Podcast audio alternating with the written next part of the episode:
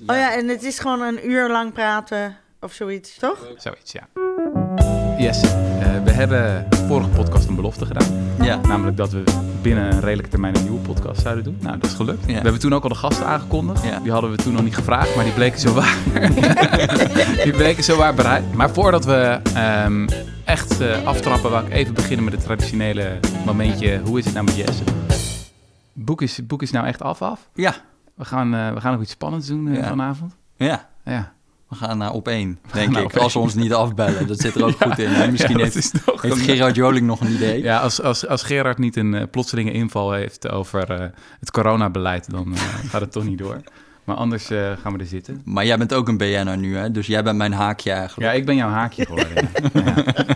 Nou, ik twijfelde ook een beetje van of ik dat dan nou moest doen. Maar toen zei ik had tegen Andreas, dat, die gaat over de publiciteit bij ons. Ik had gezegd van, nou ja, in principe wil ik het niet doen. Tenzij Jesse zegt dat hij me er graag bij wil hebben. Ja, lijkt mij wel en toen was het zo vertederend. Kreeg ik een, een eh, paar minuten daarna een telefoontje van Andreas. Ja, Jesse wil je er heel graag bij hebben. Dacht ik, ja, ik beteken dus toch wat voor Ja, je, Jesse. ja, ja. Maar gaan jullie samen aan tafel? Of ja, we gaan samen aan tafel. Of misschien komt Rutger op de tweede rij, je weet het nooit. Ja.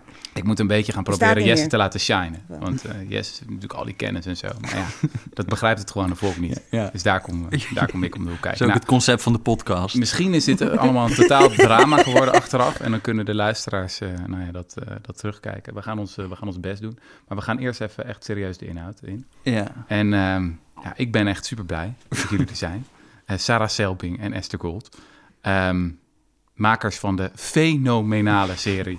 Dat is al heel vaak gezegd, denk ik. Maar nou ja, we, we hadden jullie vier jaar geleden, eh, toen over Schuldig. Ja. Eh, dat eh, s- serie van de Human, eh, of de NPO. En dat ging over mensen die in de schulden zit, zitten. En dat had een soort van totaal journalistieke aanpak. Van kijk zo van naar de deurwaarden, naast mensen die echt in de schulden zitten, naar, naar eigenlijk alle kanten van het systeem. En ik weet nog de impact, impact die dat toen op jou had, Jesse. ja, ik heb er nog steeds last van. Ja, ja, ja.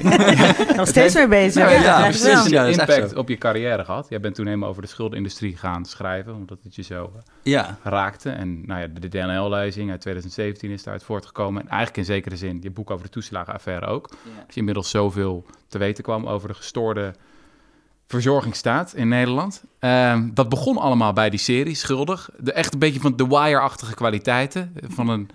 Van, ja, sorry, ik ga je gewoon even door met veren. Ja. Eh, wij maar- giechelen wel ik- nee, mee. maar ik kom Eh, straks- Nee, maar dat was echt niet normaal. Was echt straks ook nog even. Zeldzaam, was echt zeldzaam. Ik dacht echt bij heel veel scènes van, hoe kan je dit maken? Nu Ja. ook weer van, hoe dicht jullie erop zitten. Echt ongelooflijk. Maar toen dacht ik van, toen ik de mailtjes kreeg van, er komt een nieuwe Ja. van Sarah en Esther. Toen dacht ik, oh, dat lijkt me echt kut om jullie te zijn. Dat lijkt me echt kut, want hoe ga je?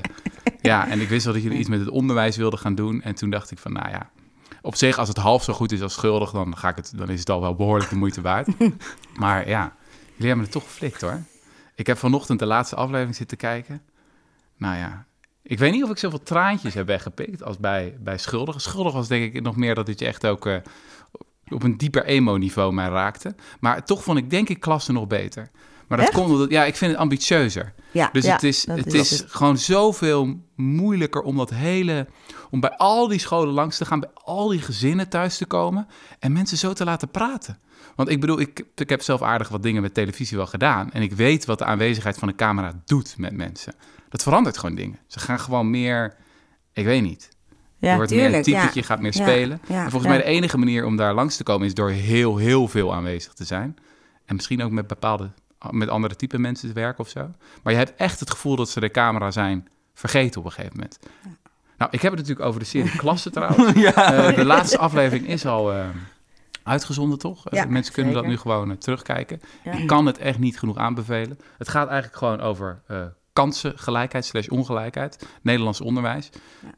Met ook nog een ja, fascinerend natuurlijk natuurlijk experiment erin. Omdat ja, halverwege jullie serie of Ja. meer richting het einde slaat corona ineens toe. En dat, dat is natuurlijk, natuurlijk nu ook een grote discussie over kansenongelijkheid. En ik heb eigenlijk geen idee waar ik dit interview wil beginnen. Zoveel Je bent lekker bezig. Ja, Ja, ben ik ook Ja. lekker je Ja, luisteren. ik heb zoveel Ja, dingen waar ik het over zou willen hebben. Zal ik even beginnen met meteen even iets, iets, iets prikkelends? Ik- ik- ja, Doe maar, ja. wat een gast. Oké, ja, sorry. sorry. Ja, ik begin even, dan gaat het meteen even op scherp. Het is een citaat van jou, Sarah, in de Volkskrant. Ehm, jij schrijft, eh, Hier is het onderwijs heel zalvend. Of je zei dat tegen de Ja. Volkskrant. Eh, hier is het onderwijs heel zalvend, heel getherapeutiseerd op de lagere niveaus. De cognitieve kant is niet zo belangrijk. Het gaat erom of je wel gelukkig bent. Je leert volwaardig burger te worden en te praten en elkaar aan te kijken. Dat is heel erg waarover het gaat. Zit je vader in de gevangenis? Wat zielig. Dan leggen we de lat nog wat lager. Maar welk kind is daarbij gebaat? Ik vond dat, ik vond dat echt super eh, scherpe opmerking. Want ik werd heel erg heen en weer geslingerd in de, terwijl ik klassen kijk. Dus Ja. enerzijds enorme empathie voor zowel de kinderen als de docenten... die allemaal in en in goede mensen zijn. Maar ook anderzijds een soort van het gevoel van hopeloosheid. Van, ja, hoe verandert Ja. dit een keer? En, en eh, ik, ben, ik ben heel benieuwd of je daarop kan reflecteren. Van, of, je dat, of je dat herkent, dat, dat dubbele gevoel van, Zeker, van de zeker. lat. Ja, überhaupt denk ik dat bij deze serie het helemaal niet eenduidig is hoe je er naar kijkt. Dat geldt voor ons ook, of voor het hele team. Ik bedoel, je kan ook... Anders zou je ook niet drie jaar met een onderwerp bezig kunnen zijn als je het allemaal al weet. Dus ik ben zelf, ook als jij dit voorleest, word ik ook heen en weer geslingerd. Want ik vind het ook allebei belangrijk. Ehm, maar wat wel, wat ik daarmee bedoelde, kijk, we, we zijn bijvoorbeeld, we gaan in aflevering 4 naar Londen, waar je ziet dat er een heel ander type onderwijs wordt gegeven. En daar hebben ze dus, zijn ze in staat geweest om een aantal scholen die heel erg slecht scoorden en waar echt de slechtste scholen van Londen met heel veel criminaliteit en uitval en in hele zwakke wijken waar mensen, al die kinderen waren, kwamen in die knivings terecht en zo. Het waren hele Mhm. criminele werkelijkheden waarin ze leefden. En daar hebben zij die scholen in een 10, 15 jaar tijd omgetoverd tot de beste van heel Engeland zelfs. En ehm, het was wel, we hadden het er laatst over toen we met iemand spraken. Eigenlijk was het heel gelukkig voor ons. Want we gingen voordat we eh, begonnen met filmen eigenlijk al naar Londen, omdat de wethouder daar naartoe ging. Dus helemaal aan het begin van ons heel filmproces zijn we daar al heen geweest. Waardoor we eigenlijk alles wat we daarna filmden, dat het konden toetsen aan Engeland. Ja, de wethouder is... eh, Marjolein Moorman van de PvdA. Dus we Mhm. hebben haar gevolgd en we zouden haar ook gedurende een jaar volgen. Maar zij ging al een paar maanden voordat we begonnen met filmen naar Londen toe. Dus toen dachten we, ja, dit moeten wij filmen. Want we zijn zelf ook heel benieuwd wat daar nou is gebeurd. En er is van alles gebeurd en daar kunnen we ook nog wel wat langer over praten, want het is wel heel interessant. Maar een van de dingen daar is natuurlijk echt die strenge aanpak van, eh, re- ja, van kinderen zijn natuurlijk ook veel meer gewend om daar in uniform eh, te zitten en veel strengere lessen te volgen dan hier in Nederland. We houden hier in Nederland daar niet zo van. Maar juist in die ehm, kansarme groepen is dat gewoon wel hun eh, ticket out vaak. Hè? Om gewoon ehm, veel strenger en veel rechtlijniger les te krijgen. En, al, en ook, ja, goed, ik, ik, ik loop een beetje vast omdat er zoveel in Londen is om te vertellen. Het is nooit één ding. Maar één van de dingen is toch wel dat als ze op school zijn, dat ze gewoon les gegeven wordt. En dat het erom gaat dat ze les krijgen. Mhm. En dat het er niet om gaat wat hun thuissituatie is. Of, en dat ze op school ook in staat zijn om hun thuissituatie even thuis te laten. mhm. En dat was denk ik een beetje wat ik daarmee bedoelde. Er is één, één ding dat me hier te binnen schiet. Mijn moeder geeft les in het speciaal onderwijs. En ehm, ik belde haar op en ik zei, heb je klas al gekeken? Ja. En eh, wat vond je ervan? En ze zei van, ja, ik heb eh, aflevering 1 gekeken en aflevering 2 volgens mij een stukje. En ik kon niet verder kijken. Kon niet kijken, want ze werd helemaal, ze werd ja. helemaal gek van. Ik zei, hè, maar het is toch supergoed? En heb je schuldig dan niet gezien? En het is, ja, maar nee, maar het is zo, er wordt helemaal geen les gegeven. Het is zo betuttelend. En wanneer krijgen die kinderen nou eens les? Ah, en toen ja? stuurde ze een blog door van, een, ehm, van een schoolleider, geloof ik. Van iemand die ook zeer gefrustreerd reageerde, op een van de eerste of de tweede aflevering. Eh, van iemand die reageerde op een van de docenten die de eigen methode had bedacht. Ik weet niet, juf. Astrid, Astrid, en Jolanda. Zijn eigen samen. website gemaakt. En die had een soort van woedend blog van... Ja, tuurlijk, verzin je eigen methode. ja, Ja, ja, ja, maak je eigen leuke websiteje. Nee, want we hebben verder helemaal geen inzicht over didactiek... en wat werkt om, weet je wel, het leesniveau van kinderen omhoog. Dus ehm, ja, binnen het speciaal onderwijs werkt mijn moeder eraan... om kinderen die heel moeilijk lezen... om die gewoon echt eh, ja, er alles aan te doen. Dag in, dag uit. Ja. Oefenen, oefenen, oefenen, weet je wel. Eh, om dat leesniveau omhoog te krijgen. En als je dan ziet wat er gebeurd is met het leesniveau in Nederland... ja, dan denk je van die vrijheid-blijheid-filosofie van... nou, even een arm om de schouder. Ja, oh, je ja, hebt het vervelend thuis. Oh, voor je vader, oh, dat is lastig. Weet je wel? Ja. Ja, ze Of vond het zeer geval, frustrerend. En ze vond het dus ook frustrerend om dan de docent te zien die bij, ehm, op één, wat natuurlijk hartstikke goede mensen zijn. Mhm. Eh, Maar dan werden opgeheemd als, oh, dat zijn de sterdocenten, weet je wel. Ja, ja, Terwijl wanneer gaan we het over didactiek hebben? Weet je wel, wanneer gaan we het Ja. hebben over... Hoewel het zijn wel hoge op, eh, zoals dat heet, opbrengsten. Mhm.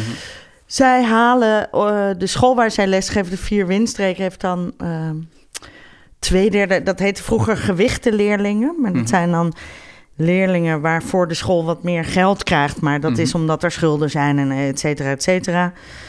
Eh, een ouder die eh, geen hoger, hogere opleiding heeft. Er zijn een paar van die voorwaarden.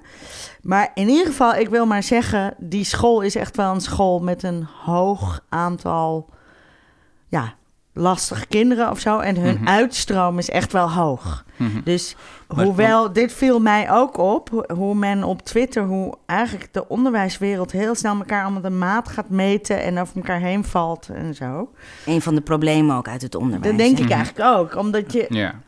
los van dat ik ook, eh, ik ben het er helemaal mee eens dat je, eh, de, die cognitieve lat gewoon hoog moet blijven. Mhm. Dus ik snap wel dat sommige mensen kromme tenen kregen van, weet ik veel, hè, eh, hè, dat ze mogen videogamen op het hoge land of Ja. zo. Mhm. Dat snap ik wel. Ja.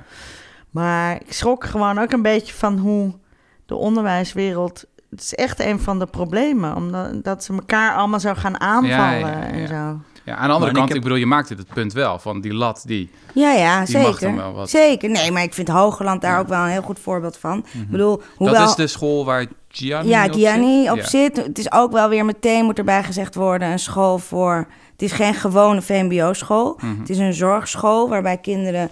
Wat op zich een hele discutabele groep is hoor. Want er zitten kinderen bij elkaar. Kinderen die slecht kunnen leren. Kinderen met een leerachterstand. Dus die hebben gewoon misschien slecht onderwijs gehad. Kinderen met gedragsproblemen. En kinderen met een heel laag IQ.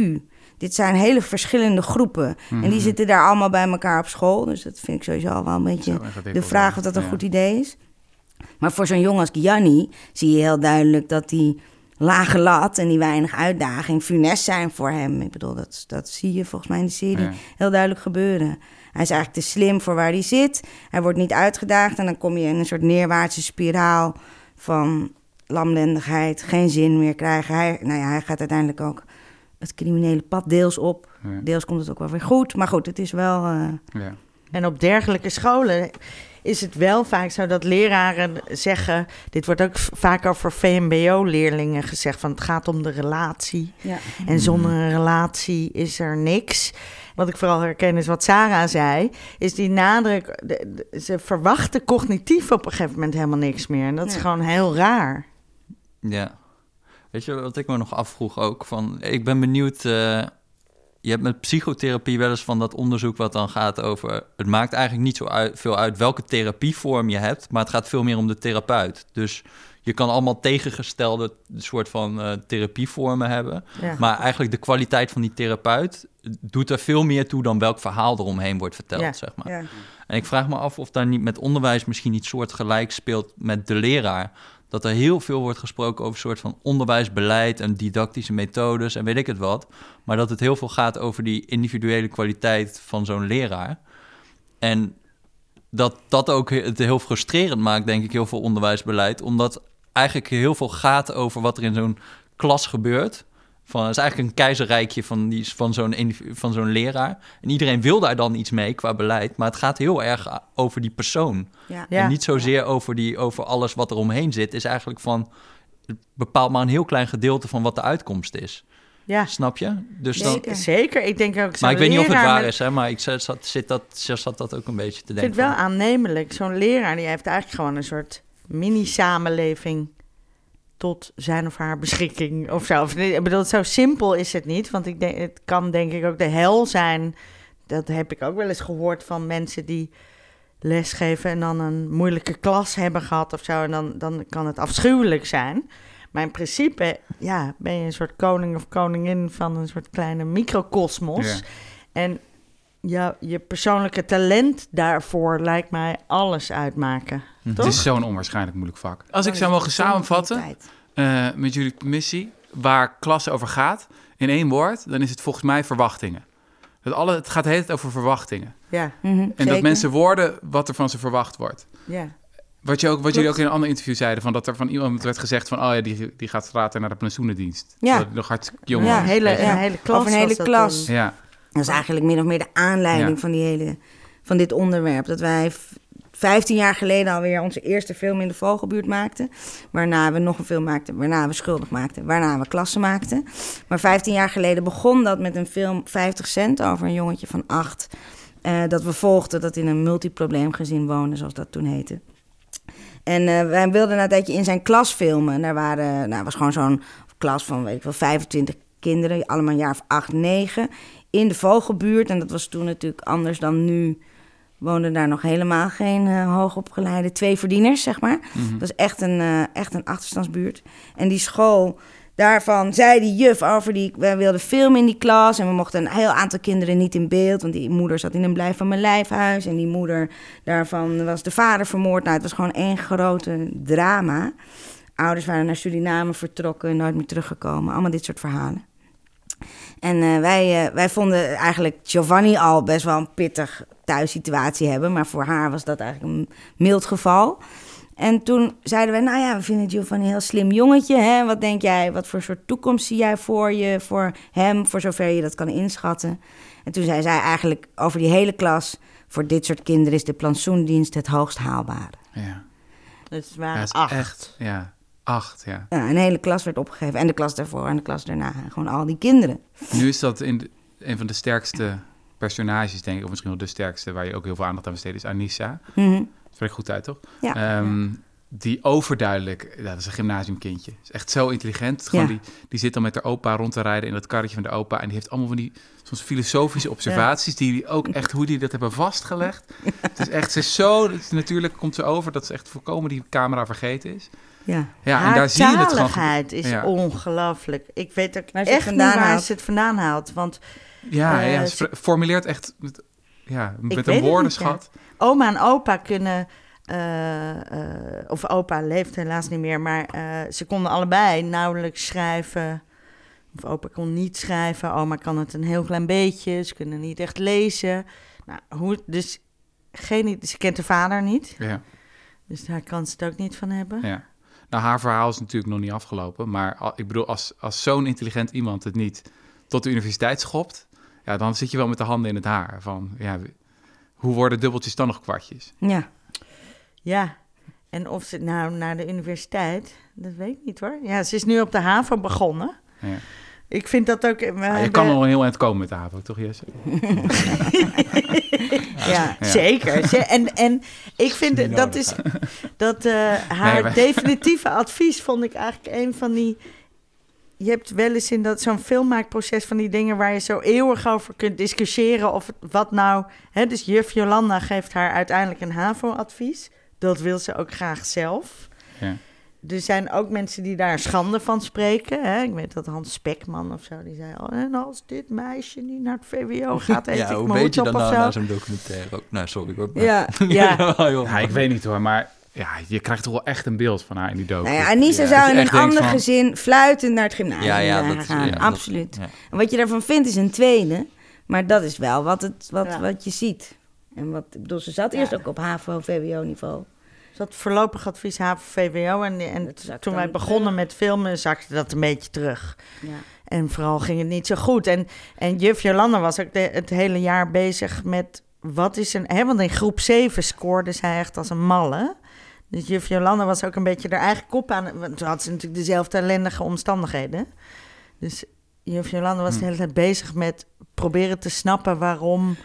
Eigenlijk waarom Anissa vooral haar huiswerk niet maakte en haar motivatie verloor. Want je wordt natuurlijk niet op slag stom. Maar het is ook niet evident. Hè? Kijk, bij Schuldig, los van dat wij... Ik bedoel, daar, daar zagen we gewoon allemaal laaghangend fruit qua oplossingen.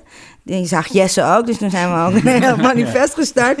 Maar je weet, ik bedoel, ook in de reacties van de kijkers... er kwam een heleboel geld binnen en allemaal mensen gingen Dennis redden, de dierenwinkelier... en gingen Ditte en Carmelita redden. Dat Maar- was, waren hoofdpersonages. Dat waren de hoofdpersonages van Schuldig vier Ja. jaar geleden. Maar in dit geval is het ook veel minder eenduidig. Waar is Anissa en bij gebaat? Weet je wel? Wat moet Yunus Jan dan krijgen? Ik bedoel, wat moeten. Wat, er komen ook minder aanbiedingen binnen. Niet dat we daar nou enorm op hadden gerekend. Het maakt ook ver niet uit. Maar het geeft wel aan. Mhm.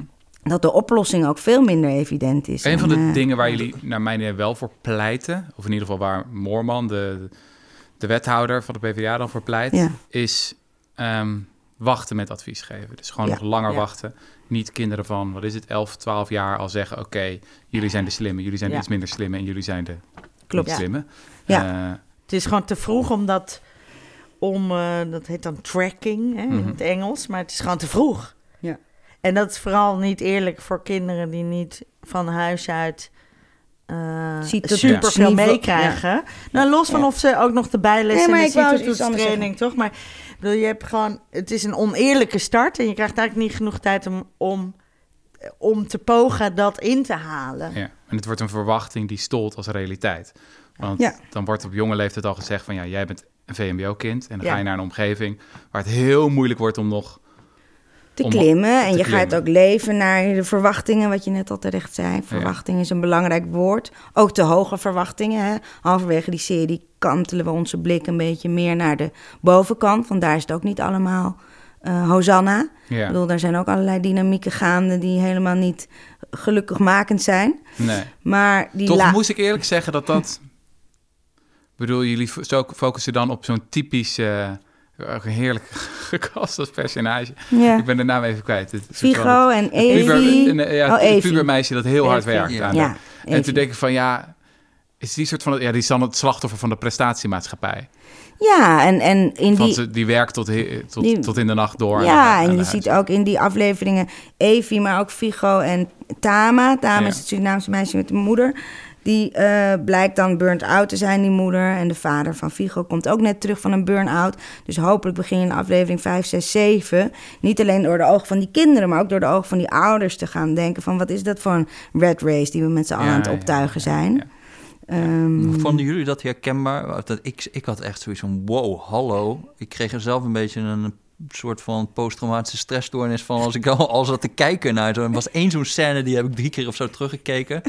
dat ze het dan ook hebben over, ja, ik mag geen slaapmiddelen. oh ja, Oh, die, die- ja. ja, ja. Zo, daar gebeurde veel Ja. in, jongen. Dat was ook Ja, echt ja. helemaal... Wat een Nee, mag geen sla slaapmiddelen, pam, en weer Maar smartphone. is ook- wow, oké. Maar er is ook heel veel veranderd, helemaal- toch, op dat vlak. Ik bedoel, als je kijkt naar ehm, eh, examentraining, dat soort dingen, extra huiswerkbegeleiding, al dat soort ja. bureautjes zijn echt dat Dus me- zo is gegroeid de, in snel- de de afgelopen- snelst groeiende Ja. industrie van Nederland. Ik zat te denken over ja. bijvoorbeeld gewoon stress om je advies. Ik weet niet hoe dat met jou zit, Jesse.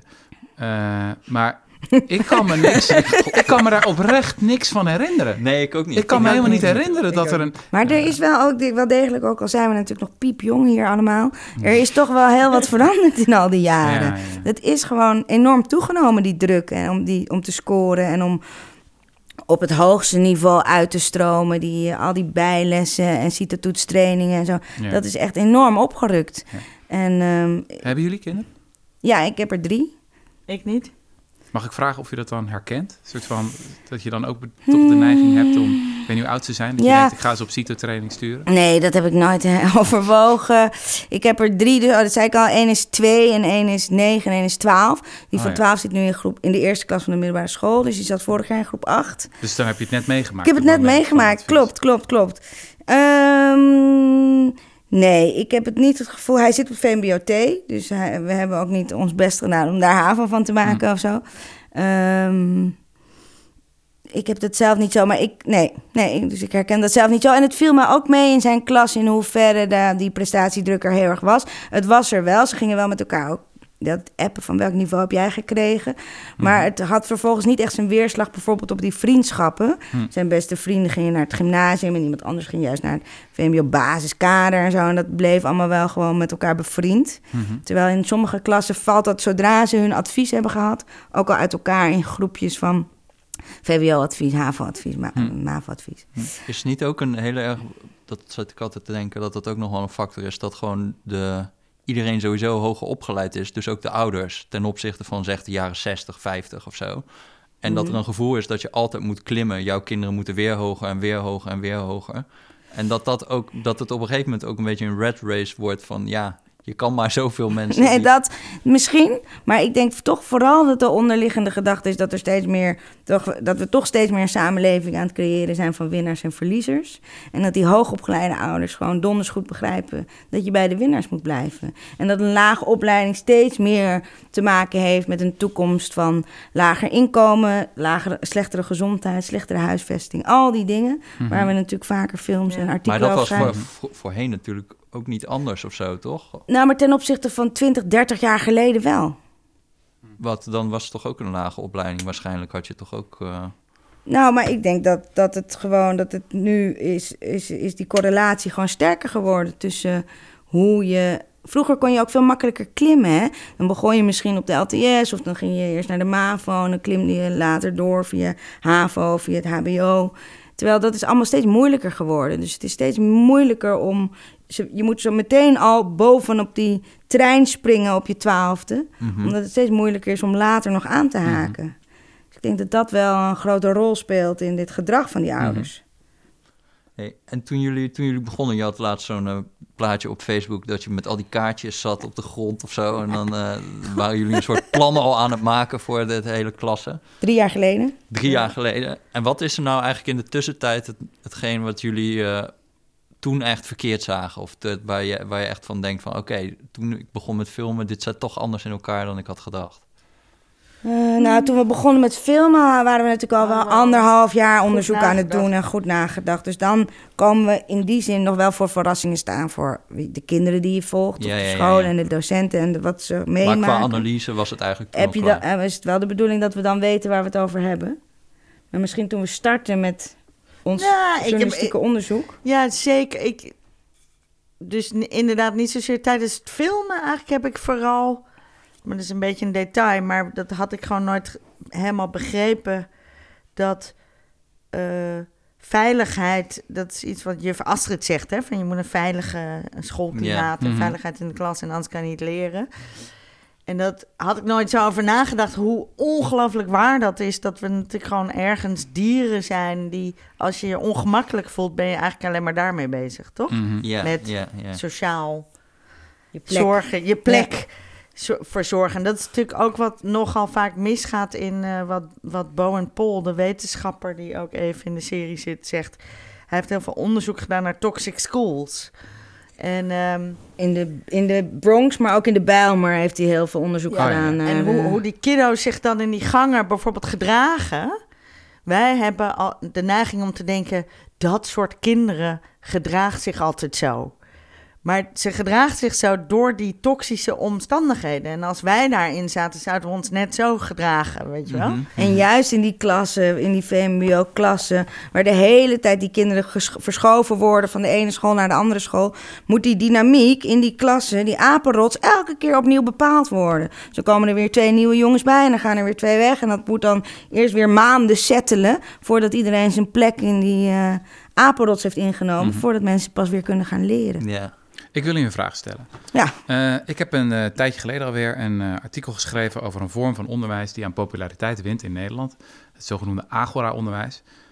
Een van de grote filosofen daarachter is een man die heet Chef Drummen. En zijn theorie is dat nou ja, eigenlijk we alles op zijn kop moeten gooien. Weg met huiswerk, weg met klassen. Kinderen zijn van nature nieuwsgierig en je moet ze de vrijheid geven om hun eigen leercurve te ontwikkelen. Daar moet je ze bij begeleiden, daarvoor heb je coaches. En eh, dat is eh, begonnen in Roermond. Dat is een school die eh, ja, dus geen klassen heeft en ook veel van de muren zijn weg.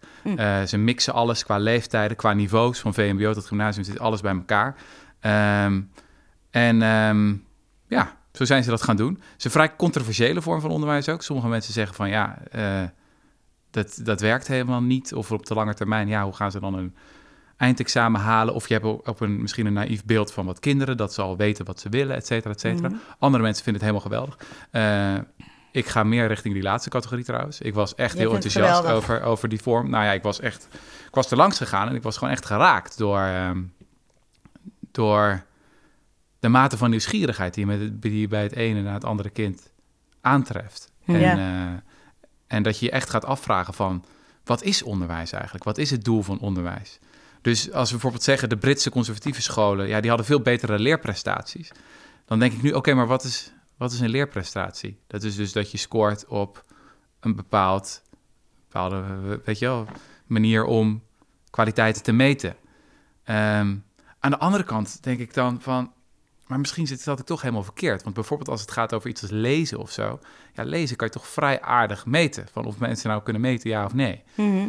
En als je met lezen een soort van vrijheid, blijheid aanpakt hebt, van nou ja, kind is 9 Kijk of maar. 10 of 11, van, Of nou, je maar dat leuk is, vindt. kijk maar of je dat leuk vindt. Ja. En, Ja. mm, Kijk maar, dat komt wel. En Ja. dat brein dat ontwikkelt zich op natuurlijke wijze. Het komt allemaal wel goed. Ja, dan heb je op een gegeven moment een hele samenleving die zichzelf dyslectisch noemt.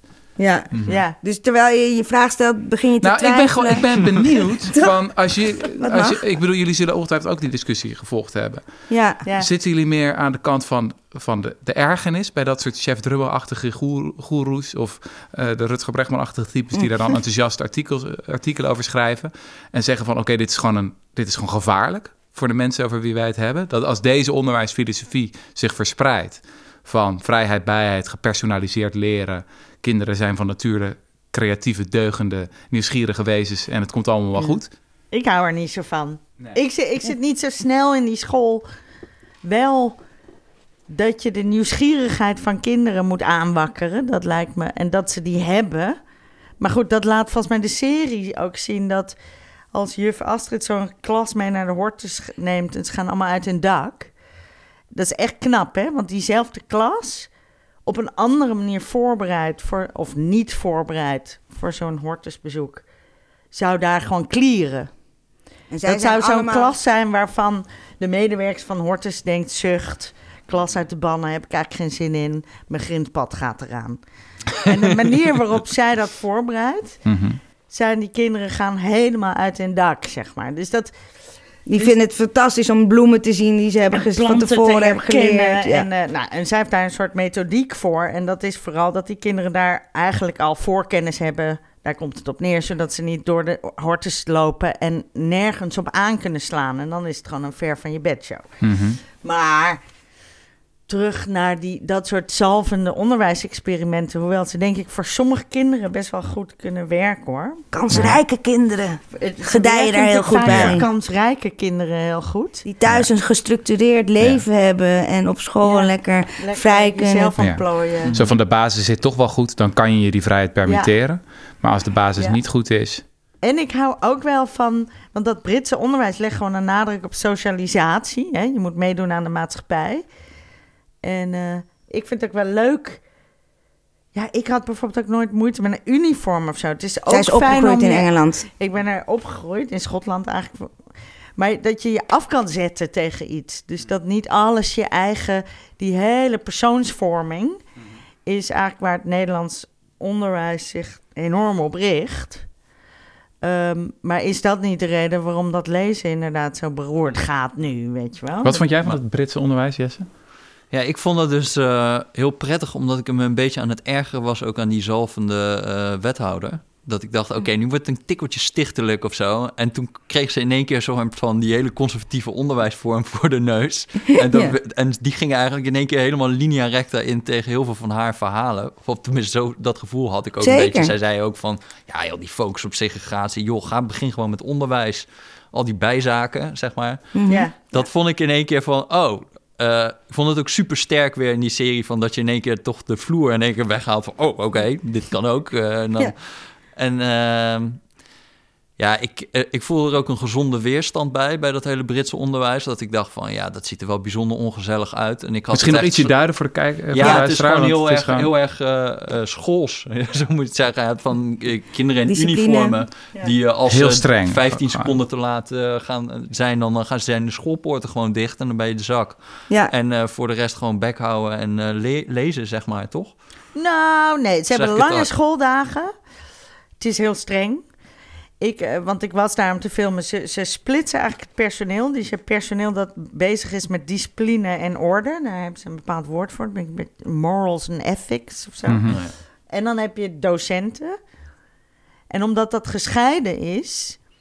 Dus in de serie zie je een beetje zo'n Britse rugbyspeler, maar die hoort bij het disciplineteam, om het zo maar te zeggen. Die Dus deelt elke stropdas. ochtend, die, die, die man die de stropdas aan de leerling van de week uit, uit, eh, geeft, Oh, ja. afgeeft, die hoort bij het disciplineteam. Het idee is dat er zoveel nadruk is op moraal en discipline... en dat die kinderen weten wat mag en wat niet mag... waardoor leraren daar helemaal niet mee bezig hoeven te zijn. Die kunnen gewoon lesgeven. En die geven gewoon les tot drie uur. En dan van drie tot vijf eh, kun je eigenlijk wat, wat in Nederland bijles is geworden. Maar van drie tot vijf kunnen kinderen één op één van leraren extra feedback krijgen met iets. Of hulp bij iets wat ze moeilijk vinden. Mhm. Ehm, en ze doen natuurlijk sport en theater en drama. en en, en wat het meest omstreden is, is wellicht dat ze twee keer per jaar alle schoolresultaten in de gang Ja, dat vond ik wel echt heel ranglijsten. bijzonder onplezierig eruit zien allemaal. Ja. Ja, dus het is Ja. gewoon op elk vak ziet elk, elke leerling waar die in een ranglijst staat. En of hij is Aan de gestegen andere of kant, gezakt. kijk met dat verhaal over verwachtingen, wat jij zei, dat dat dan heel belangrijk is. Ja, ik weet niet of dat nou voor iedereen heel motiverend is hoor, competitie. Maar ik merk ook wel natuurlijk bij zo'n, bij zo'n correspondent of zo, als ik dan een paar collega's wat goede stukken zie maken, denk ik, ja, verdomme, ik moet ook wel weer even aan. Ja, En ja, als dat toch? even een Ja, tijdje tuurlijk. niet zo is, Tuurlijk. dan Ja. heb ik ook wel zoiets, nou, dus, nou, is ook wel. Nee, maar daar bekruipt je dat- toch een ongemakkelijk Ja, dat gevoel. doet- je dat denkt doet- wel bij, aan, bij die school van... is dit voor de maatschappij van de toekomst? Ja, Weet je wel? ja, ja, ja. Zijn dit de straks de CEO's van de grote banken die hier opgeleid worden? En gaan ze dat dan... Gaan Ja, zij dat het anders doen dan de mensen die er hier zelfstandige, zitten? en, eh, wordt je niet zelfstandig denken of zo heel erg aangeleerd. Het is wel zo dat Nou, dat weet ik niet. Ben ik Ja, niet met je hoor. eens. Makkelijk. Ze krijgen supergoed les. En ze leren echt wel op een hoog niveau. Ja, ik vind Debatteren. het Ja, dat toch wel echt links om discipline een mooi woord te vinden hoor. Ah ja, wat grappig. Maar aan de andere kant, nee. Nee, ja. maar de discipline is er, zodat ze heel goed les kunnen geven. Dat is niet hetzelfde natuurlijk. Het zijn dus ook letterlijk andere mensen op die school. ja, ja, ja, ja. Nou ja, ja. Dus ze bespreken wel met elkaar. Dat is dan een andere school. Dat is de basisschool waar Esther heeft gefilmd. Maar dan gaan ze dus Animal Farm lezen van George Orwell. Ja, en dan gaan ja, ze ja. bespreken hoe het Marxisme en Trotsky en Stalin daar Ja. een rol in spelen. Daar in dat tegen boek. natuurlijk. Nou, dat is wel van een niveau. Ja. Want je, dan kunnen jullie toch niet tegen zijn? Nee, op een Ja, elf. ja. Nou ja, maar Ja. ik be- bedoel, bij zo'n Agora-onderwijs bijvoorbeeld... kan ik me ook voorstellen dat, dat, dat je op een andere manier de lat heel hoog legt. Doordat je, nou ja, misschien krijg je ook een beetje competitie bij Misschien- kinderen... of maar hoge verwachtingen hebt. Mhm. Van dat, je, dat je een sfeer kan creëren waarin je zoiets hebt van... eh, ja, je bent toch ook wel heel lui als je vandaag gaat zitten gamen of zo. Zo heb ik het ideologisch rechtgebreid in mijn Ja, hoofd. dat het toch nog klopt. klopt. Ja. Dat allebei die vormen van onderwijs uitgaan van hele hoge verwachtingen. En Ja. eigenlijk tegen kinderen Ja. zeggen van... ik denk eigenlijk dat je, dat je heel veel kan... en dat je veel meer waard bent dat je nu laat zien. En dat wat zo, wat zo aangrijpend is, vind ik... eh, de sterkste scènes van klas is als je kinderen ziet... eh, behandeld worden op een manier die, die lage verwachtingen uitstralen. Ja, precies. En dat dat gedaan wordt door mensen die helemaal geen slechte mensen zijn. Volgens mij hele goede mensen zijn. Maar ik vond dat het sterkst bij, volgens mij, meester Thijs. Mhm. Ja, het is een beetje lullig om dan in een podcast soort van mensen te gaan recenseren van... Want het zijn natuurlijk ontzettend dappere en moedige mensen dat, ze, dat je in zo'n serie wil zitten. Maar daar, daar, dat vond ik zo'n lamlendig beeld van... Mhm. We zitten er allemaal in die klas voor kinderen die eh, allemaal wat minder slim zijn. En nou, hoe voel jij je? Er zitten geen boeken op, liggen er op tafel. Er is, geen, er is niet Nee. een duidelijk plan voor die Nee. dag. Maar eerst van, ja, waarom, waarom, gewoon... Als je ja. je potlood, mee, het als je potlood meeneemt, krijg je een complimentje. Want je Ja. hebt je potlood bij je die dag. Nee, ik ben het helemaal, helemaal Ja, en ook een bepaalde manier is, van- eh, Toegesproken worden. Ja. Ja, heel, heel betuttelend. Ja. Gewoon, Ja. door de knieën. ja, het soort van hoe de sociaaldemocratie op zijn slechtst kan zijn. Als het, als het mensen als kleuters behandelt. Ja. Als het betuttelend, weet je wel. De PvdA het slechtst. Dus altijd als het mensen ziet als mensen die geholpen moeten worden. Oh, zielige mensen, we gaan jullie helpen. Oh, Ja. jullie vinden het zo rot. Oh, kom een knuffel, Ja. weet je wel. Ja, dat is zo dodelijk, want dat straalt lage verwachtingen uit. Super. En Ja. ook die burgerschapsverwachtingen, die zijn zo laag. Dat is echt een soort, zegt de buschauffeur gedag. Blijf uit de gevangenis. Ja, nee, Dat maar dat is gewoon ja. letterlijk Ja. wat ze daar zeggen hè, op dat die ze school. hopen, weet je wel. Maar Dat is gewoon hun doel om die kinderen uit de gevangenis te houden. Ja. En tegelijkertijd, en dat zit in dezelfde aflevering volgens mij, zie je dus dat juf Astrid en Jolanda zeggen: elk kind wil leren. En dat is de Mhm. aflevering waarin ze inderdaad zo opgewonden door de Hortus Botanicus rennen. Al die jongetjes die gewoon twee jaar later even oud zijn als Gianni. Dus er zit ook maar twee jaar tussen. En in die klas van Gianni zie je nul nieuwsgierigheid of zin om te leren. Terwijl dat waren natuurlijk ook ooit kinderen. Elk, ki- elk mens komt leergierig ter aarde. Ehm, maar ergens is dat geknakt bij die kinderen. En eh, is er helemaal geen interesse meer om iets te leren. Of eh, in elk geval iets op, wat met school te maken heeft. En hoeveel heeft dat... eh, ik, zat, ik zat ook nog volgens mij heeft Lex Bolmeijer wel eens met Pieter Roy of zo, zo'n onderwijshistoricus. En zijn verhaal was een beetje van, ja, er wordt altijd structureel te veel verwacht van onderwijs. Maar elke keer als er een maatschappelijk probleem is, zegt iemand van, nou, een burgerschapstraining op onderwijs of zo, weet je wel. Dus heel veel moet opgelost worden door onderwijs, maar onderwijs is gewoon niet, kan niet zo heel erg veel oplossen. Ik bedoel, het is niet het... Is niet het eh, en als ik dan naar mijn eigen leven kijk, dan denk ik ook wel eens van... Ja, je kan het allemaal externaliseren of zo. Van, ik heb dan te weinig eruit gehaald of zo. Maar ja, ik was gewoon lui. Ja, Ja. sorry, ik kan het, kan het ook niet veel... Ik kan het heel erg bij anderen gaan leggen. Maar dan is het een beetje de vraag... Nou ja, we hebben nu natuurlijk een goed natuurlijk experiment van hoe belangrijk onderwijs is. Ik bedoel door corona. Mhm. Toch? Dan, kan je, dan kunnen we kijken van. eh, Of bedoel je meer verschillende vormen van onderwijs? Dat dat niet zoveel uitmaakt. Nou ja, zoiets als dat zo'n thuissituatie en zo... dat dat zo van overweldigend belang is eigenlijk... vergeleken met wat het onderwijs dan kan doen. Ik weet het niet zo goed. Ja, maar ik hoop toch ook wel dat je ziet dat het juist wel het verschil kan maken. En dat die serie juist wel laat zien.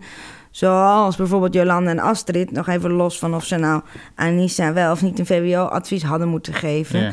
Is die school en is juf Jolanda natuurlijk haar veilige Ja, geweest, ja, ja. jarenlang. Ja.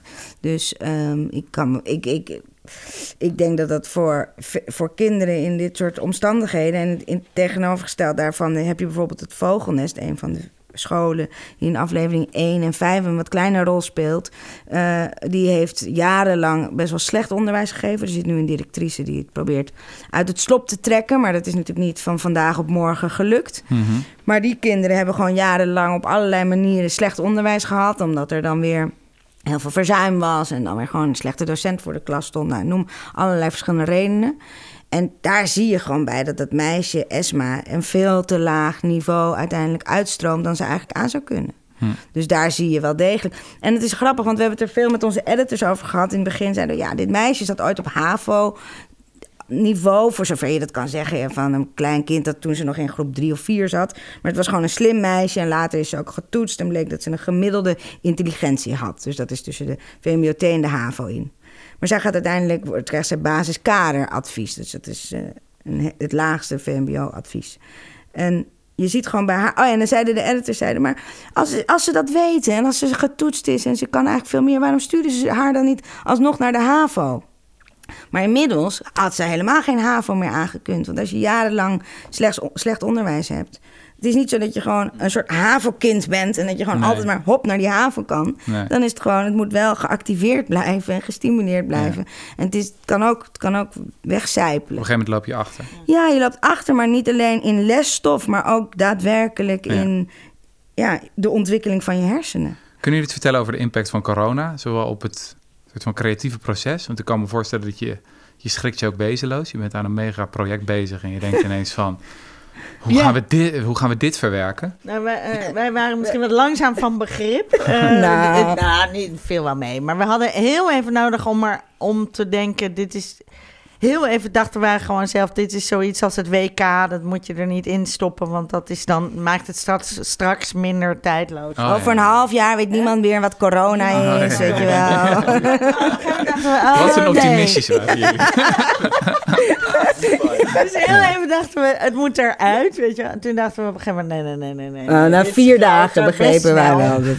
En toen hadden we ehm, eigenlijk een soort heel gestoord voordeel, denk ik, dat we al die relaties of die banden met die kinderen, die ouders en die docenten, die waren er al. Want eerlijk gezegd denk ik dat, eh, zeker in die eerste lockdown of zo, maar als je dan niet al een band had opgebouwd met iemand, dan Mhm. gaat de voordeur gewoon niet open, weet je wel. En mensen Nee, we waren al drie kwart jaar aan het bang. filmen. En we Ja. hebben ook, overigens moesten we ook soms buiten blijven. Dat verschilde een beetje van gezin tot gezin.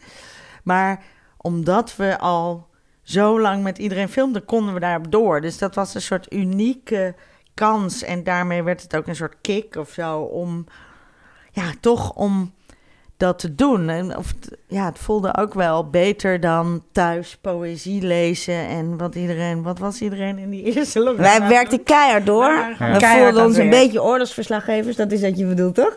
Dat het ook gewoon een beetje Ja. voelde als een belangrijk. kick om door te gaan. En we Ja, het begrepen... voelde als belangrijk. Zeker, Ja. zeker. En ik vind het ook in die zin wel een historische uitzending geworden, aflevering 6. Nou, die thuissituatie komt dan nog veel sterker in beeld natuurlijk. En dan zie je dat het ene gezin, ja, dat zit lekker, weet je wel, in een mooi wijkje aan het water, alle ruimte, je eigen kamer als kind. Ja. nou, en papa ja. komt wel even langs om wat uitleg te geven, en mama helpt, et cetera. En die kinderen Sterker gingen gewoon nog- voetballen buiten. Ja. En sterker nog, en wij zagen eigenlijk wat we al de hele tijd tijdens het filmen zagen, die twee werkelijkheden, die werden allebei uitvergroot. Maar ook de kansrijke kant kon opeens ontspannen. Dus je zag daar dat corona misschien bijna een soort Ja, blessing ja, in disguise was. Die zeiden dat ook van, ja, het is eigenlijk wel ik mag lekker. eindelijk ja. slapen. En Ja. ook de ouders van Figo, die konden ook heel ontspannen opeens hun zoon helpen. En er was opeens veel meer ruimte voor het leven in plaats van die vol, volle agenda's. Ook van Mhm. Evie, hè, die heeft dus een hele volle agenda ook met allerlei Ja. sociale activiteiten en werken in een café en eh, toneellessen en noem het maar op. Ja. Dat kwam allemaal weg eh, stil te liggen.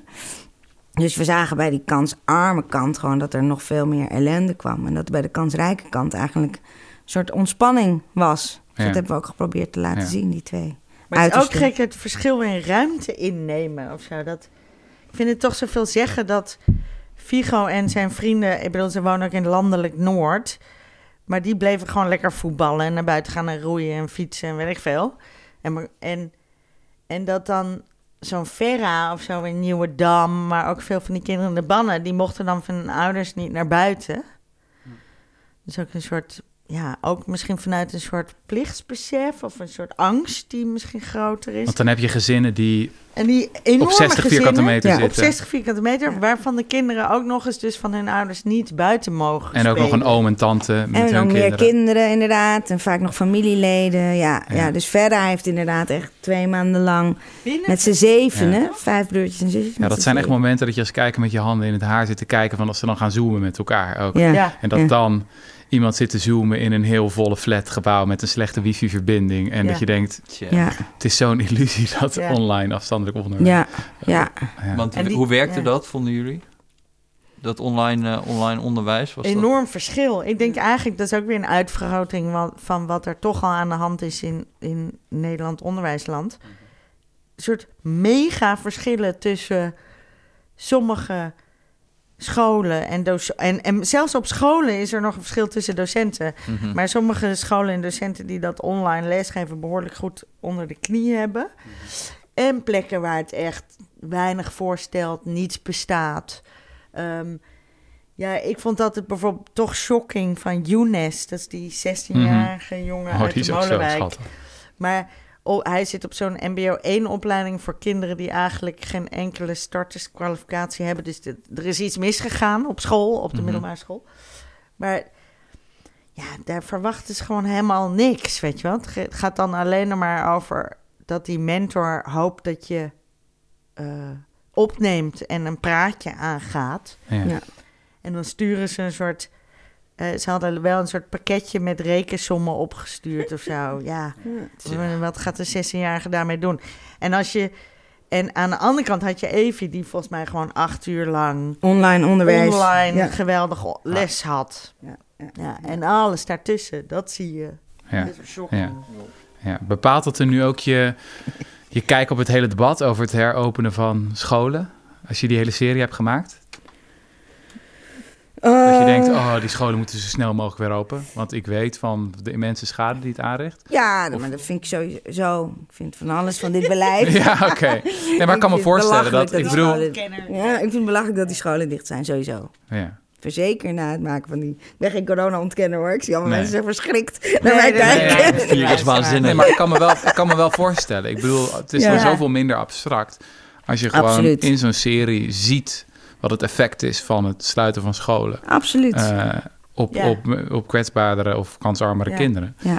Eh, Ja. dan is het niet abstract van, oh, we gooien de school Ja. even dicht. Nee. Want je weet van, oké, dit ene verhaal dat ik helemaal heb uitgezocht... en wat mij zoveel raakt, dat doe het keer duizend keer tienduizend keer honderdduizend keer nog meer. Ja. Dat is wat aan de hand is in Nederland. Ja. En de lange termijns effecten daarvan. Hebben ja, we wat- nog geen idee van. CPB had zo'n ding over, geloof ik, on- over de, dat de CITO-toets niet doorging of zo. Of dat, de, dat, wat dat zou betekenen qua eh, onderadvisering Mhm. voor heel Ja. veel mensen. Dat was best wel schokkend, gewoon echt. Dat Ja. heeft ook Ja. vorig jaar dat betekend, hè? Want er is een, heel- het is een beetje ingewikkeld, maar je krijgt eerst je definitieve advies en dan kan je dus nog de laatste CITO-toets maken. Ja. En dan kan dat, de- dat definitieve advies worden bijgesteld, alleen maar naar boven. Ja. En die laatste CITO-toets is er niet gekomen, waardoor er inderdaad een heleboel kinderen, Ja. kinderen eigenlijk onderadviseerd zijn. Eigenlijk, hè, als, Ja. als we hier de grote synthese maken...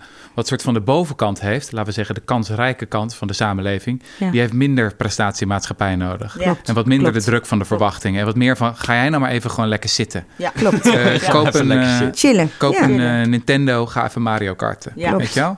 En de onderkant, dit is precies wat het is. Precies. Aan de onderkant moet de lat omhoog en aan de bovenkant moet er En wat meer daarom gechilled worden. zijn al die discussies over...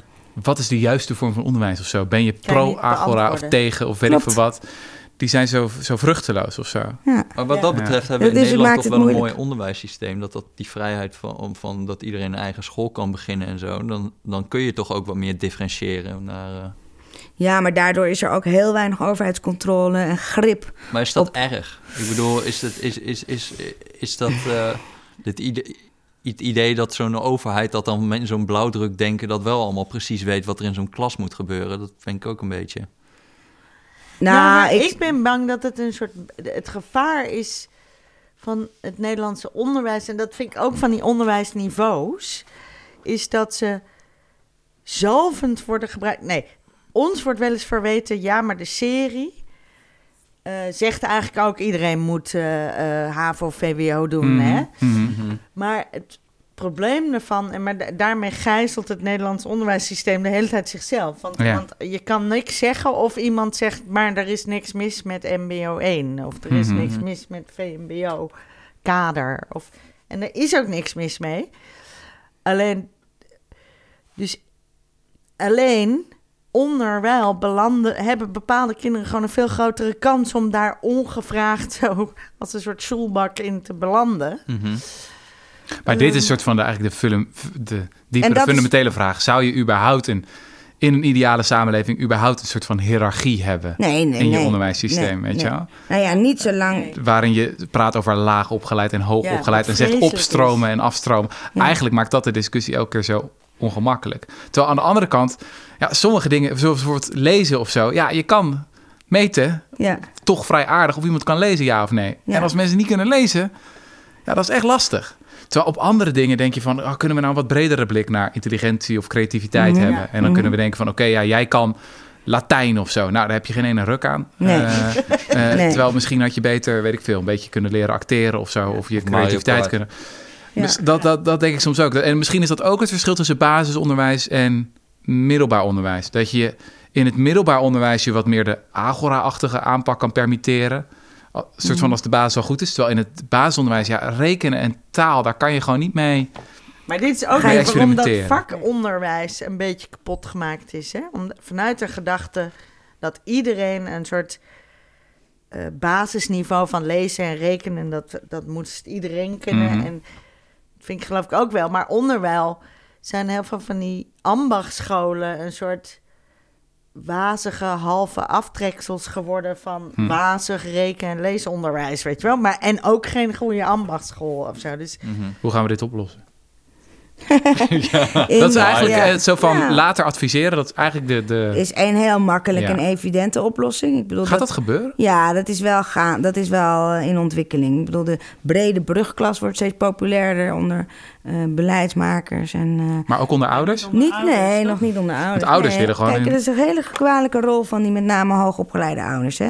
Die willen steeds meer op categoraal, dus op scholen waarin alleen maar VWO is of alleen maar HAVO is. Zodat dat kind niet kan afglijden. Dat is de grote angst. Of wordt besmet door, weet ik veel. Want het eh, idee is van als je eenmaal op de school zit waar alleen gymnasium is, ja, Dan kan- dan moet je van de school afgetropt worden. Precies, en, dan dat kan je met gestut Ja. met En dat bijlessen. schijnt te en- werken, hè? Het werkt. Dus Ja. categoraal onderwijs werkt om niet af te zakken.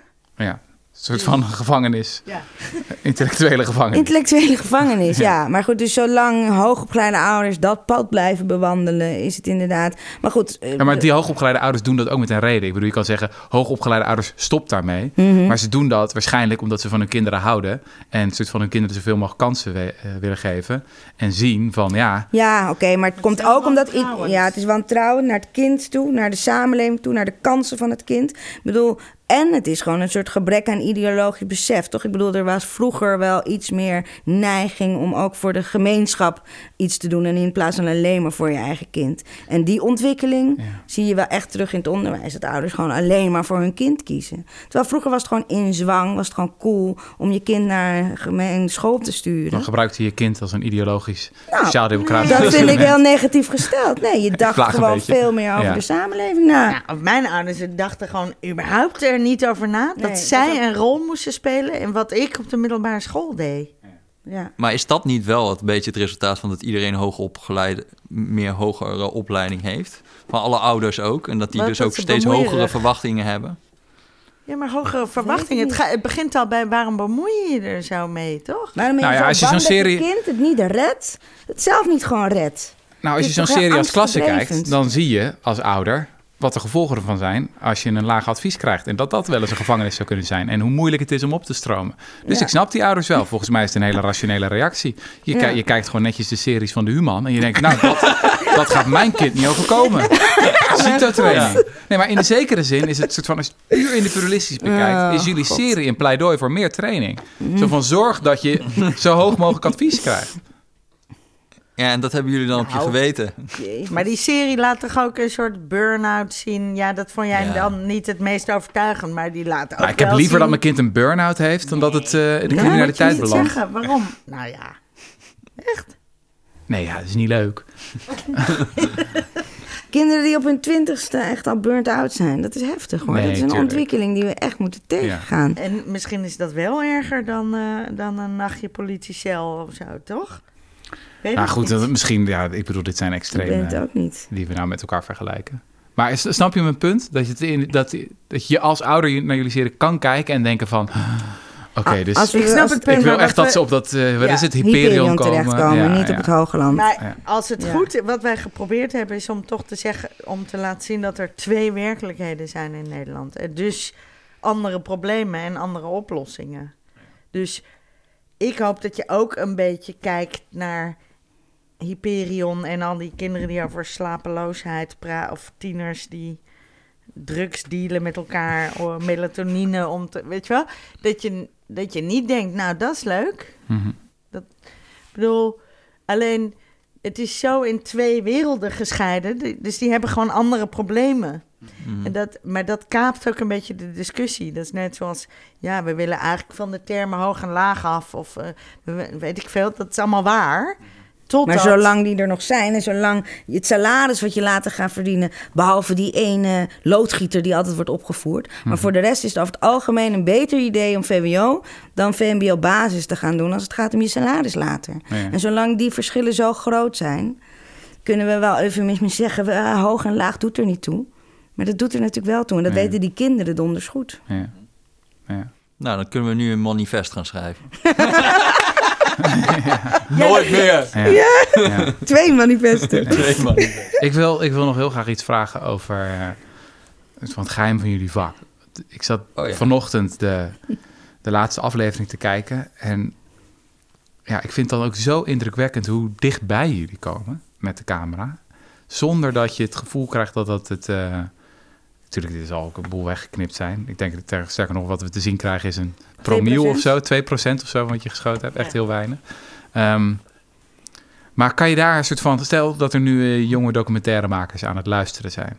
Van wat zijn hoe, hoe, hoe kom je zo dichtbij? En hoe, hoe werkt dat? Is dat... Hoe kunnen mensen zo... eh, bijvoorbeeld op een gegeven moment is er die scène dat eh Anissa naar, ehm, naar eh, de juf gaat... en dan is de opa overleden. Spoiler, sorry. Ja. Ja. Eh, en dat is een heel emotioneel moment. En je hebt bijna het idee soms dat je naar, dat je naar fictie zit te kijken. Ja. Dat je denkt, dit is geacteerd door hele goede acteurs. Ja, ja. Maar het is echt, jullie zitten er als documentairemakers zo dichtbij. Ja, en dat is wel echt het resultaat van dat dat zo'n moment is dan draaidag, nou weet ik niet precies, maar laten we zeggen dat is de, vijf, nou, of de dertigste draaidag met Anissa en, en met de juf of zo. Waardoor het ook echt zo is dat er zoveel vertrouwen is en grapjes. En ze, hè, ik bedoel, en Anissa is al dol op de cameraman. En de geluidsman maakt al een jaar lang grappen met Jolanda. En dus dan ben je ook echt niet meer vreemde van elkaar. Ik denk dat zo'n scène, dat, die kan je denk ik niet op draaidag drie de- op die manier draaien. Omdat er dan, dat gezegd hebben, dan heb je ook gewoon meer en minder camerabewuste mensen. En is bijvoorbeeld Anissa een soort heerlijk schepsel om allerlei redenen. Maar ook omdat ze gewoon niet zo camerabewust is. Terwijl je hebt ook mensen die al film je een jaar lang blijven ze een beetje schichtig of zo. Of zij vergeet de camera. Zij, zij vindt het ook leuk, weet je wel, dat er... Is daar verschil tussen hoog en laag opgeleid en arm en rijk? Is rijk camera bewuster Over het dan... algemeen wel. Ja. Over het algemeen En wel. veel controlerender ook.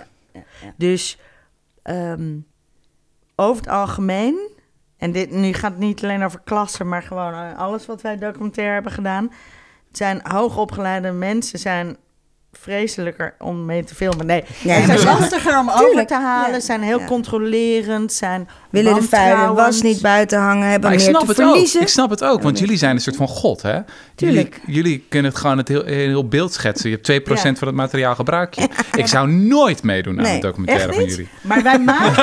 Maar, maar ik denk zou dat, maar ik denk dat het heel waarachtig is. Ik denk dat iedereen zichzelf heel erg gaat herkennen als een soort dat het eh, extract wat we maken, dus Ja. Altijd inkoken. Hebben ze dat ook gezegd? Hebben jullie... Nou, we Hebben hebben, mensen- dit niet op deze het manier gevraagd van Hm. klopt het extract. Maar eh, over het algemeen, iedereen heeft het natuurlijk gezien. En we hebben Hm. eigenlijk altijd met al onze films heel goed contact nog na afloop met de Hm. hoofdpersonen. En ik heb wel het gevoel dat iedereen altijd vindt dat we wel een soort waarachtige samenvatting van wie ze zijn maken. Maar ik ben het helemaal met je eens dat het doodeng is om je hele lot in handen te leggen van ons. eh. ik bedoel, ik weet dat wij zelf een tijdje terug werden geïnterviewd voor de eh Volkskrant. Je citeerde Mhm. er net uit, hè? Groot stuk, Volkskrant Magazine, la la. Ja. Nou, eh, lang geïnterviewd, eh, drie, vier uur geïnterviewd. En dan schrijft zij een stuk en we mochten het nog van tevoren lezen ook. Wij schrokken ons wezenloos en wilden allerlei zinnetjes veranderd hebben. Waarop zij zei, ja, maar dit heb je gezegd, weet je wel. En we mochten het nog... Ja, ze- ja, maar- maar... kan dit niet iets subtieler? Nou, uiteindelijk is er het een en ander wel veranderd. Wat had je dan gezegd? Maar ik dacht wel, dat ga ik nu niet zeggen. Maar ik dacht wel, oh mijn god, weet je wel, wij mochten nog inzagen. Terwijl onze hoofdpersonen, die zien gewoon als het op televisie komt, wat we ervan hebben gebakken. Dus dat is inderdaad een ongeluk. Nou ja, vooral heel stoer en te gek van iedereen. Maar zeker in het geval van klassen, en dat begreep ik ook heel goed, was de kansrijke kant, zoals we het dan steeds maar noemen, de hoogopgeleide kant, veel moeilijker te overtuigen. Omdat ze natuurlijk toch meer te verliezen hebben. En kansarm. En, en zeker ook bij de vorige serie Schuldenproblematiek. Die, die mensen die in de schulden zaten, die vonden het een hele goede zaak dat daar een serie over werd gemaakt. En die wilden heel graag meewerken. Ja, dat duurde wel even, maar die, beg- als ze eenmaal begrepen wat we voor ogen hadden, wel. Terwijl als je een serie maakt over kansarm en kansrijk en je bent de kan, als kansrijke wordt je opgevoerd, nou, dan moet je wel heel dapper zijn om daaraan mee te willen werken.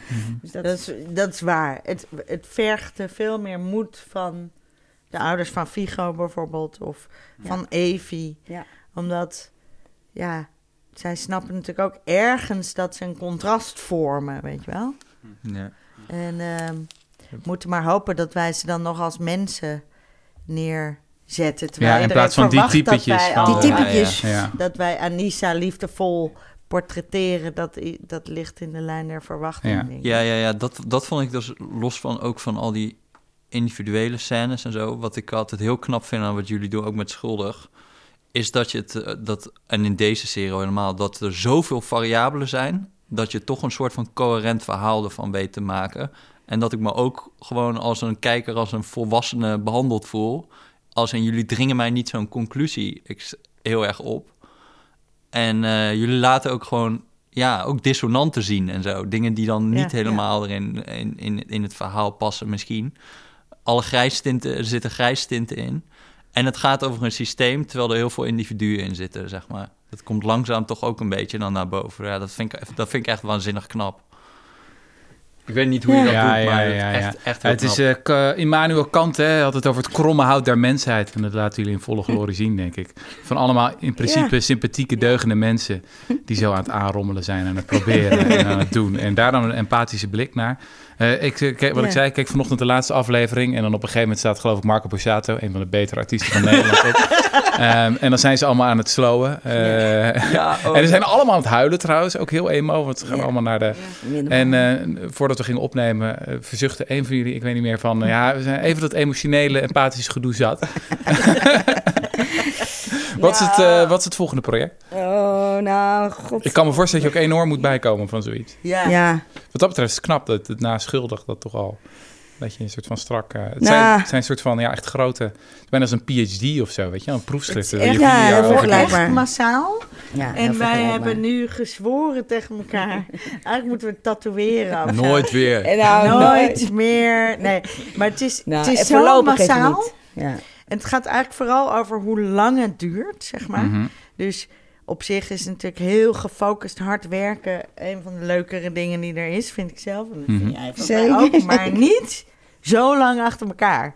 Drie jaar lang die boog gespannen houden, dat, is Ja, heel ja, vermoeiend. ja, ja. pittig. En, Ja. en ook in antwoord op hoe we dichtbij komen. Kijk, het is ook, we hebben ook een geweldige researcher, maar daar zaten we ook op een gegeven moment in die draaitijden. Zitten we, hebben wij eigenlijk geen avonden bijna, maar dan zitten we gewoon te appen of met hoofdpersonen of met de researcher over de hoofdpersonen, Wat het, toch? Ja.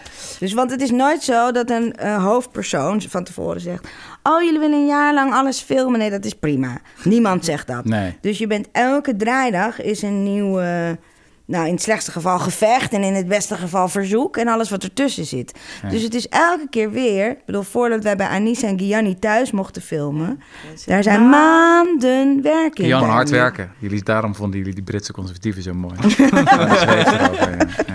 Maar ik vind het wel, eh, of zij, wie zei dat nou, Tsjechov? Nee, dan klinkt het net alsof ik, nee, maar Eh, dat klinkt een beetje arrogant. Ik denk dat je het zelf Maar ik hebt. vind een Nee, soort nee. chroniqueurs- Ellen Walraven. Ah, Ellen Walraven zei dat wij de Tsjechos van deze Tijd ja, nou, dat vind ik eh, wat overdreven, maar wel heerlijk of zo. Dat is wel, dat, Namelijk politiek engagement versus schoonheid versus ja, een soort menselijkheid. van de tijd of zo. Je hebt ook een aantal van die Franse schrijvers, zoals Baudelaire, die volgens mij van die eindeloos dikke pillen schreven in een soort poging De tijdsgeest die te duiden. tijdsgeest en de samenleving een soort van Ja. te duiden.